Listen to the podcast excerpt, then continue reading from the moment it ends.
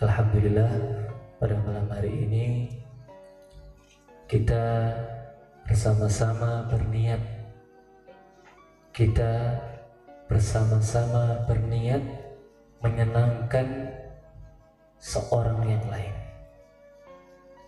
Karena sabda Rasulullah SAW beliau pernah bersabda ahabbul a'mali ilallahi ta'ala ba'dal faraid idkhalus surur 'alal muslim sesungguhnya amal yang paling diremeni kali Gusti Allah yang paling disukai oleh Allah yaitu apa? Setelah yang fardu tentunya yang fardu sholat wajib puasa wajib itu amalan yang dicintai oleh Allah.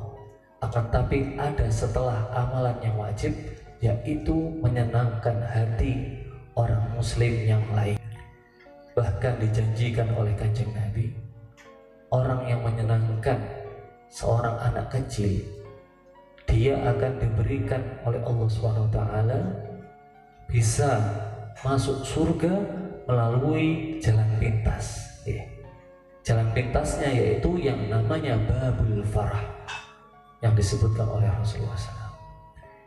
Orang yang gemar mencintai, menyenangkan hati seorang anak kecil, maka dia akan masuk surga dengan jalan pintas. Kayak jenengan akan mendatangi suatu tujuan di kota, akan tapi kota ini macet, eh, karena antri. Bagaimana caranya? Kita mencari jalan pintas jalan pintas kita bisa masuk surga yaitu dengan kita menyenangkan seorang anak kecil lebih-lebih itu adalah umat Rasulullah SAW